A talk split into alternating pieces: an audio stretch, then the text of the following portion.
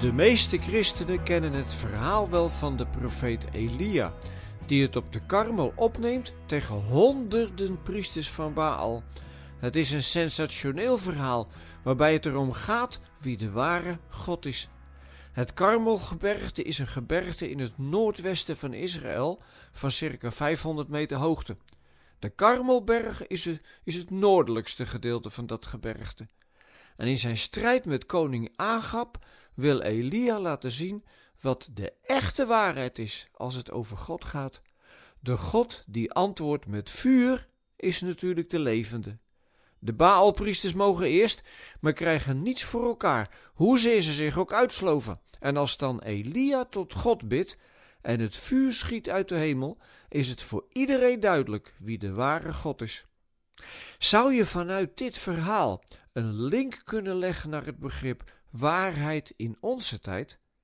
Als er namelijk één ding is dat steeds lastiger wordt, is het het zoeken en vinden van de echte waarheid. We hebben nog nooit zoveel technische mogelijkheden gehad om de waarheid te verdraaien, te bewerken en aan te passen aan onze wensen. Je kunt een filmpje over een toespraak die iemand heeft gehouden volledig verbouwen en hem of haar totaal andere dingen laten zeggen, vrijwel zonder dat je het in de gaten hebt. Je kunt ook gewoon alles omgekeerd uitleggen. De oorlogsretoriek van Oekraïne en Rusland vertelt er genoeg over. Ik zag van de week een documentaire over de aanslag op een Engels passagiersschip direct na het uitbreken van de Tweede Wereldoorlog. De Duitsers zeiden dat Churchill dat zelf had laten doen om Hitler in diskrediet te brengen. En ook vandaag worden er alle mogelijke leugens van stal gehaald om de waarheid te veranderen. Fact-checker is een beroep geworden. Wat moet je daar nu mee als christen? Elia liet de waarheid zien doordat God zelf ingreep in de ruzie met de priesters van Baal. Dat zal niet iedereen van ons overkomen, helaas, maar we kunnen wel sporen zoeken. De waarheid van God heeft in ieder geval altijd te maken met liefde, recht, aandacht voor de minsten, vrede en ga zo maar door.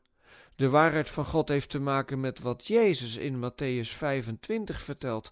Als je iets voor de minsten van je broeders of zusters hebt gedaan, deed je het voor hem.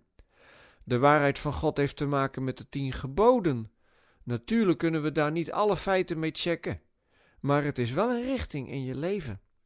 En dat gaat nog verder, want eigenlijk is de waarheid van God niemand minder dan Jezus zelf. Hij zegt het ook, hè? ik ben de weg, de waarheid en het leven.